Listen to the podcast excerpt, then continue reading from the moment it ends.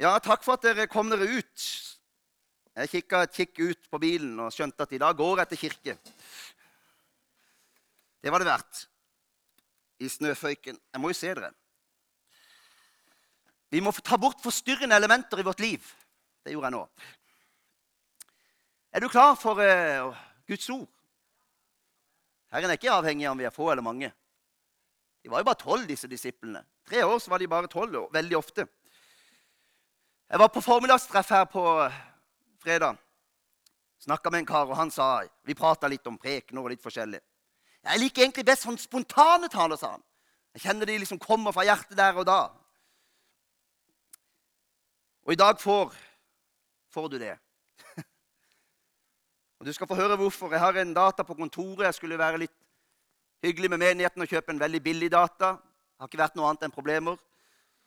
Jeg har levert den inn én gang, og nå gikk han i svart. Så nå var det helt dødt. Og så har jeg forberedt en tale. Og Det høres veldig teknisk ut, men for å berolige deg som er veldig overåndelig Jeg får mine taler fra Herren. Og veldig ofte når jeg går her Vi ber her fra tirsdag til og med fredag. Ni på morgenen. Da får jeg som regel mine taler. Og Jeg fikk en sånn tale en dag og har skrevet den på Miriams computer. Men så sa jeg til Miriam jeg har fått en preken, men jeg føler at den prekenen er til den 3. mars. Hva skjer den 3. mars? Da synger kor for alle. Da kommer det mange som ikke er her så ofte. Ja. Det var en evangelisk preken. Hva sier Miriam da?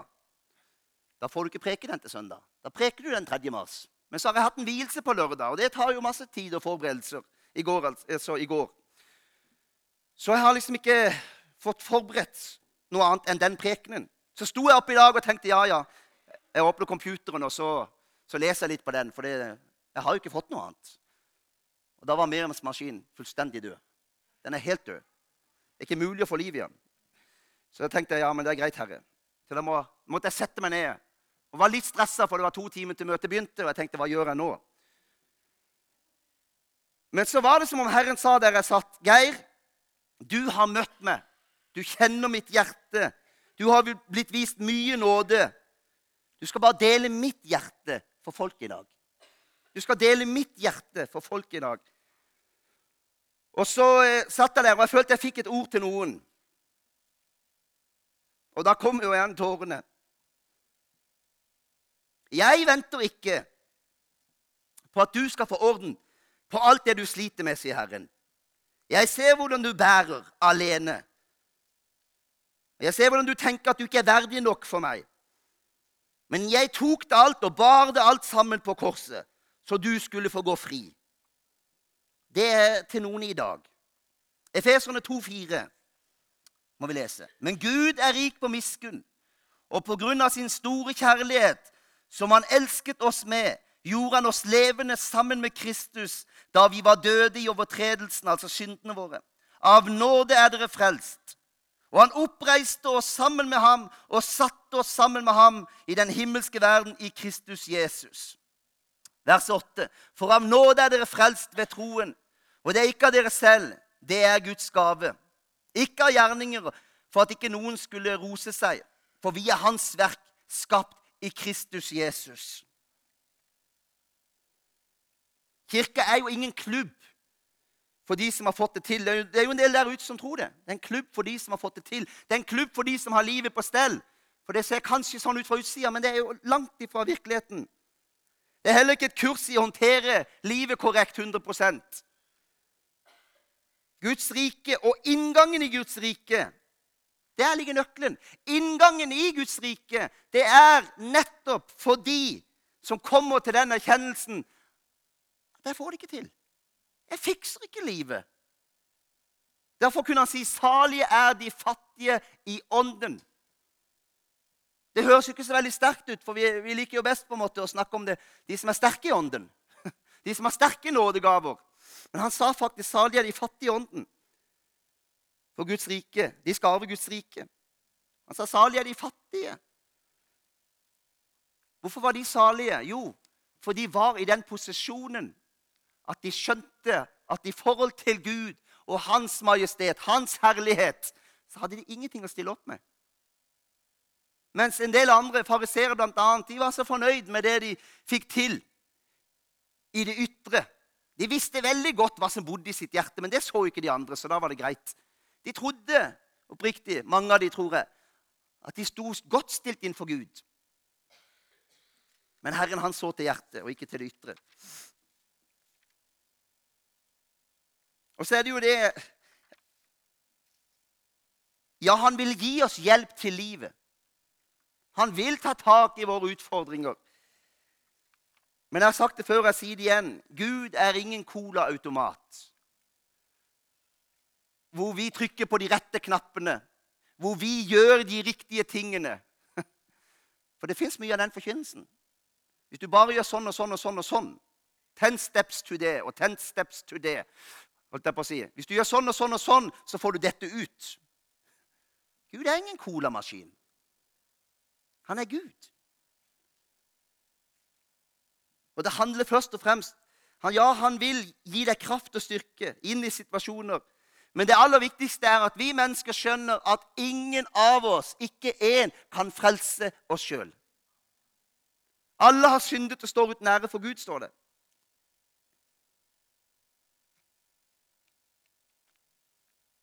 Hvis du har en PC, det sa jeg i sommer, men jeg sier det igjen, som har fått virus, er det veldig fristende å gjøre som jeg gjør. Slår han av og på 100 ganger og tror det skal gå over. Eller bare lukke skjermen så han går i hvilemodus, lukker han opp igjen og håper at det er over. Men det er ikke over. For viruset ligger dypt i, system, i systemoperativen, eller hva det heter for noe, Stefan. Den ligger jo der. Og vet du hva, Du kan lukke opp den der og tenke ja, der var det over. Så begynner du å jobbe litt. Og Så går det seinere og seinere, og til slutt så stopper han opp. Får ikke åpna flere sider. For du kan ikke bare ønske det vekk. Sånn er det med oss mennesker. Vi kan ikke bare ønske vekk den ødelagte posisjonen vi er i eh, uten Gud. Vi kan ikke bare ønske det vekk. Det må noe utenifra som blir gitt det, som renser opp. Det må et virusprogram til fra utsida. Maskinen henter ikke det hos seg sjøl, gjør han vel? Det må hentes fra en annen kilde og implanteres så den får virke. Og det er det Kristus er for oss som var syndere, holdt jeg på å si. Urettferdige.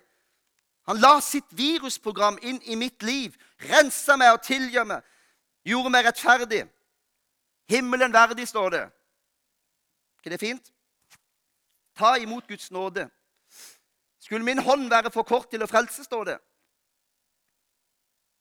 Nei, den, vet du hva? Guds hånd den var så lang. Vet du hvor lang den er? Den rakk helt fra himmelen og helt ned til jorda. Det er en lang hånd, det. Min rekker jo bare derifra til dit. Men hans hånd rakk hele veien ned. Og han skrev ikke på en måte Han gjorde seg ikke synlig ved å skrive på himmelen, fjernt og diffust der oppe, ved å bare gi oss noen leveregler. Nei, han sendte det mest dyrebare, dyrebare han hadde, sin egen sønn, for at han skulle ofre sitt liv for oss. Amen. Er ikke det sterkt? Egil Svartdal har en sånn en liten videosnutt. Han har jo flere av de om dagene. Og han sier at vi må stole på Herren. Og så sier han det ordet 'stol' det ligner jo veldig på å stole ligner jo veldig på en stol. sier han. Det har du kanskje ikke tenkt på. Ikke heller før han sa det. Å stole på Herren. Og så brukte han et bilde fra en stol som jeg syntes var så fin. Han sa en stol det handler jo om at du ser på en stol, og så tenker du Vil den bære meg? Denne her er jo ikke så veldig solid. Men jeg tror allikevel at han vil bære meg. De fleste stoler bærer et menneske. Og han sa det, det er noe av det med å stole på. Jeg er litt som en stol, sa han. Det handler om at du står oppe med full tyngdekraft hos deg sjøl, sier han. Nå bærer jeg meg sjøl når jeg står oppe. Men idet jeg velger å stole på at den stolen holder, så lener jeg meg bakover. Og så flytter jeg tyngdekraften fra meg sjøl og over på noe annet. Og så er det jo sånn at eh, på et visst punkt der Nå er den så høy, men på en lavere stol Når du begynner å bøye deg ned, så er det for seint. Hvis noen trekker vekk den stolen, da går du rett i bakken. Så på et eller annet tidspunkt så har du gitt det over. Det sier ikke han, da. Det sier jeg. Ikke Egil, altså. På et eller annet tidspunkt så har du gitt det over til den stolen. Og stort sett, holdt jeg på å si, hvis ikke noen tuller med det, og hvis ikke stolen er gammel Stort sett så får du oppleve at den stolen den bærer jo, den holder jo. Og hva skjer? Du har flytta hele tyngdepunktet fra deg sjøl og over på stolen. Og nå bærer ikke jeg meg sjøl engang. Stolen bærer hele meg. Og det handler om å stole på Herren. Forferdelig enkelt, men godt bilde. Du overgir ditt liv til noen andre. Flytter ditt eget fokus, din egen tyngdekraft, alt hva du skulle få til, over til noe annet. Og så blir du båret. Du kan til og med løfte beina. Du kan strekke på de òg. Når du kan strekke på beina, så Nå var ikke det så veldig hvile, da, men uh, hadde jeg hatt en fotskammel, så hadde det vært veldig behagelig. Så kan du hvile hos Herren på den måten, fordi han bærer det. Men han kan ikke bære det hvis du ikke stoler på ham. Han kan heller ikke bære deg hvis du ikke setter deg ned hos han. Hvis ikke du tør å ta det skrittet. Og Søren Kirkegård, er det ikke det han heter? Den her eh, presten og poeten fra, fra, Danmark, tror jeg. Han skrev om dette trosspranget. Så lærte jeg på Hanska-skolen. At det er nærmest et litt sånn blindt trossprang å overgi seg til Herren. For du står på kanten av et stup, og du vet ikke helt hva du går til. For du har jo ikke møtt han før. Ergo så er det nytt for deg, og det er fremmed for deg. Men Den hellige ånd drar på deg, så det, det fins en dragning der. Men så er det så vanskelig, for du står på kanten. Og på et vis er det som å bare lukke øynene, og så tar du skrittet ut i en tillit til at han bærer det. Og så er det det han gjør. Aldri har noen overgitt sitt liv til Herren, og så har han ombestemt seg. Aldri har han kalt på noen og sagt 'Kom til meg, jeg skal bære det.' 'Jeg skal flytte inn i det.' Og så har noen gjort det, og så har han ombestemt seg. For det kan han ikke.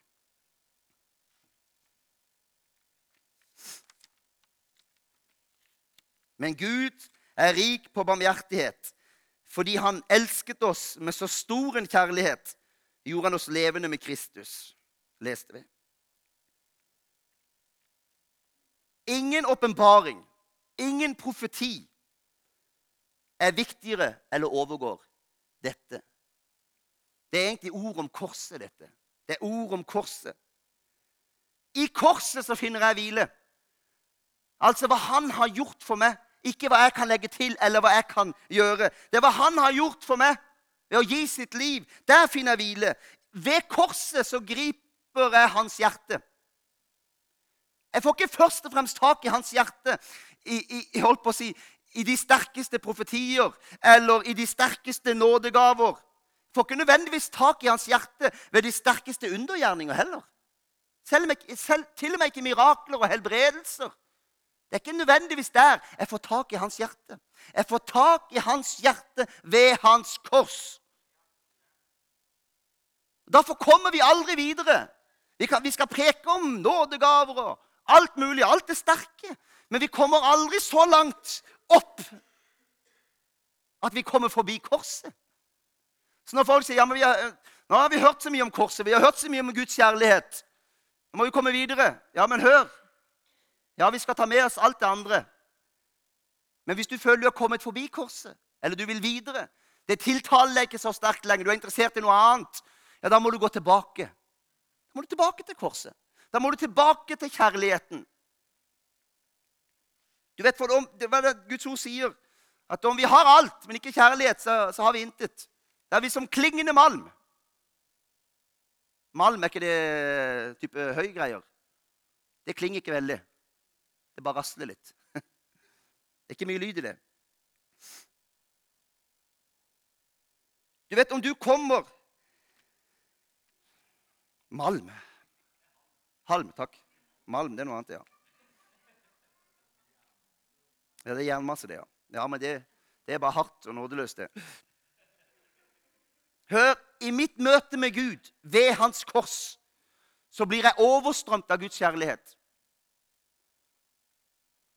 Og noen syns vi prater for mye om kjærlighet. Det tror jeg aldri man kan gjøre. Kan aldri prate for mye om Guds kjærlighet. Men vi må ta med mange andre ting. Det er riktig. Men vi kan aldri prate for mye om Guds kjærlighet. For det var kjærlighet som var hele essensen. Det var kjærlighet som var hele årsaken. Korset er kjærlighet. Det er ingenting annet. Det er ubetinga, ufortjent kjærlighet. Fordi han elsket oss med så stor en kjærlighet, står det. Jeg kan møte mennesker med mine historier om bønnesvar. Fått masse mirakuløse bønnesvar i mitt liv. Det har jeg. Jeg har sett massevis av tegn og under og helbredelser. Hundrevis på kampanjer, ikke minst. Men også mye i Norge. Fått tiltale fra Gud, fått kunnskapsord, gitt kunnskapsord. Opplevd mye i den åndelige verden. Og det kan være fristende Jeg har prøvd det. Å gå den veien og skal liksom overbevise folk med, alt, med alle sine historier. Men vet du hva? Hvis ikke jeg elsker de menneskene, hvis ikke denne Guds kjærlighet først har møtt meg på en sånn måte at det er genuint fra hjertet viser omsorg og har en dyp kjærlighet, så gjennomskues det. Det gjennomskues. For vet du hva? Det er veldig mange som opererer i den verden der. Alt fra healere til eh, astrologer og alt mulig. Det kommer ikke fra Gud. Men det kan være sant. Djevelen har òg litt oversikt, vet du. Det er det som skiller oss fra de andre, som òg kan være i befatning med sterke ting. Det er det den genuine interessen og genuine kjærligheten. Derfor kommer vi på mange måter aldri videre fra det. Uten at det betyr at vi ikke skal være interessert i alt de andre. For det er jeg. Jeg har alltid vært interessert i den åndelige dimensjonen. Alle gavene. Og tenker det er våpen vi må ha. Kjempeviktige våpen som utruster oss. Men tro meg, jeg kjenner mange miljøer som har mye av dette, men som allikevel ikke vokser. Og som alltid blir en liten kjerne. Som aldri får spredt seg ut. Og jeg tror noe av grunnen er at man bruker for lite tid i Guds kjærlighet. Jeg er en, jeg en kar som elsker å proklamere. det vet videre. Jeg og jeg tror på det hele mitt hjerte. Jeg tror at det vi taler, det blir vår virkelighet. Jeg er jo pinsevenn opprinnelig. Det vet dere jo. Det har vi jo pinsevenner blant oss òg. Så jeg tror på dette å proklamere ut Jesu navn. Og Jeg har skjønt noe av det at det er ikke alt vi trenger å, å, liksom, å trygle og spørre Gud om, fordi han allerede har gitt oss det. Så vi kan på mange måter hente det ut og proklamere det ut i den åndelige verden. Vi kan sette djevelen på plass. Alt det her gjør jeg fra uke til uke. Men likevel, uten denne grenseløse, kompromissløse kjærligheten, så kommer vi ikke langt. Du skal elske de neste som deg selv. I møte med Guds kjærlighet så kan jeg elske meg sjøl. Det er veldig snodig. For i møte med Guds hellighet Guds fullkommenhet, så blir jo egentlig jeg veldig liten. På mange måter. I meg sjøl blir jeg uendelig liten. Det er det som er miraklet med korset. For vi kommer med våre liv og all vår bagasje og alt vi ikke får til. Og det skulle jo lett kunne føre til at man føler seg så uendelig liten. Det er jo som å stå ved siden av noen Noen blir jo sånn når de treffer noen kjendiser eller eh, veldig kjente folk. De blir jo helt satt ut. De blir jo bitte små. De sitter jo nesten, legger seg nesten på gulvet til slutt. Men hør, det er det som er så rart. Han som er alt, han som er full av kjærlighet, han kan møte oss som er ufullkomne, og allikevel reise oss opp på en sånn måte at vi ikke trenger å føle oss uverdige eller føler oss små. Men i oss sjøl er vi det. Men så fylles vi av Han. Hvis vi har selvforakt i livet, så vil vi ubevisst og det er en dårlig kombinasjon, altså. Hvis du er veldig veldig sånn åndelig søkende etter alt det sterke, bare, men mangler noe av denne bunnen av trygghet og kjærlighet Og egentlig så bærer du på mye selvforakt, fordi at eh, du føler jo egentlig aldri at du får nok tak i det. Det er aldri sterkt nok. Det er aldri nok overgivelse. Det, det er aldri nok bønn. Nei, selvfølgelig er det ikke det. Velkommen, holdt jeg på å si. Endelig skjønner du det. Det kommer aldri til å bli det heller. Du kommer aldri til å føle at du ber nok. Du kommer aldri til å føle at du er overgitt nok. Sånn er det jo bare. Ja, det, jeg, sier at vi ikke skal be. Nei, vi skal be, og vi skal overgi oss. Men den følelsen av at, av at det aldri blir nok, den, den, har alle. Og Hvis du er i sterke miljøer som, hvor du kanskje hemmelig har den følelsen mer og mer Du henger ikke med, du strekker ikke til. Går egentlig med litt selvforakt. Du har en drøm om en dag skal du være der. Pilene vender inn mot det.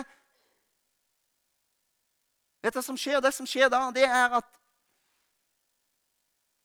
du vil lett, ubevisst, hevde deg over andre. Og det gjør vi egentlig alle sammen. Uansett hvor mye vi har møtt Gud. så gjør vi det. Ja, jeg er iallfall ikke så dårlig som han. Jeg har iallfall ikke gjort det som han gjorde, eller hun gjorde. For da føler vi oss litt bedre sjøl. Jeg har iallfall skjønt litt mer enn hun og han og den og det, holdt jeg på å si. Men hør, når du får Guds kjærlighet og trygghet inn i livet ditt, så kan du elske deg sjøl, og du har ikke lenger noe å bevise. Det gjør at jeg er egentlig ganske trygg på å stille meg opp her i dag egentlig være relativt uforberedt. Fordi at jeg vet at Herren svikter ikke. Han kommer med sin ånd. Han legger ord i min munn. Han gjorde det allerede på den korte tida jeg hadde i dag tidlig. Og forresten så har jeg jo ingenting å demonstrere. Ingen verdens ting.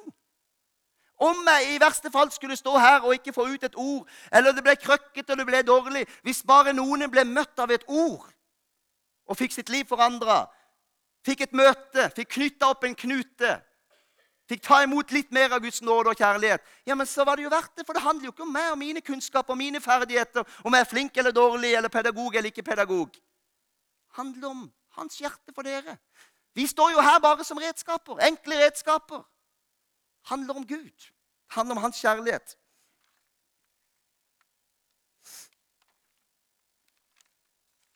Kom, Lillian. Skal faktisk slutte av dere. Det var vel ganske kort, var det ikke det, Ole Georg? Har du tid, Ole Georg? Det var ikke lenge. Man trenger jo ikke holde på lenge, for det skal man. Var det Herren la på mitt hjerte, så var det ikke mer. Hør, jeg er en motstander av alt det sterke. Nei, jeg er vokst opp i alt det sterke. Jeg har lest masse og søker fremdeles og grunner og strekker meg. Jeg vil gjerne være utrusta og væpna til tennene. Det vil du òg. Ta på dere Guds fulle rustning. Jeg vil være væpna til tennene. Jeg vil ha all den ammunisjonen som Gud kan gi meg, Den hellige ånds kraft. Men jeg har levd lenge nok, både som kristen og i menighet, og litt her og litt der. Jeg vet hvor grunnleggende viktig det er at du er trygg i Herren før han gir deg alt dette andre. For hvis han gir deg alt dette andre, og du kjører på Mens egentlig har du litt selvforakt. Egentlig lever du mer i slit enn du lever i glede. Egentlig lever du mer i, i, i en misnøye og, og, og, en angst for at uh, Herren ikke er fornøyd med deg. Så kan du virke sterkt i gaver. For det står at Herren angrer ikke sine nådegaver. Kan virke kjempesterkt. Det er det som er så rart. Gud virker for det. Men kan du holdt på å si, bli trygg i Herren? Finne kjærlighet til deg sjøl, bli overstrømt av Hans kjærlighet. Elske alt og alle på en sånn måte at ingenting er noe trussel for deg. Om noen er flinkere enn deg, så er det fint. Du bare velsigner dem. Så gøy at noen kommer og går forbi det. Det er jo en utfordring, spesielt for predikant. Kjempeutfordring. Det kan være de mest karismatiske og fromme her framme så kommer det en ungdomspastor som viser seg å ha sterkere salvelse, eh, og som begynner å gå forbi. Det blir sånn. Det har skjedd mange ganger opp i historien. Men det er jo ingen tvil om at den, den pastoren der han hadde en drive, og han var fullt av Guds ånd og full av Guds kraft. og Det var nok av nådegaver. Men det var allikevel noe på tross av det dypt, dypt, dypt der nede som ikke var forankra. Som gjør at det blir fort sånn. Han konkurrerer og vi kan legge fra oss alt det der. Ha full tillit til at Gud han gir oss de folka vi skal ha. Han sender de nye som vi skal ha. Han sender oss ut der vi skal være.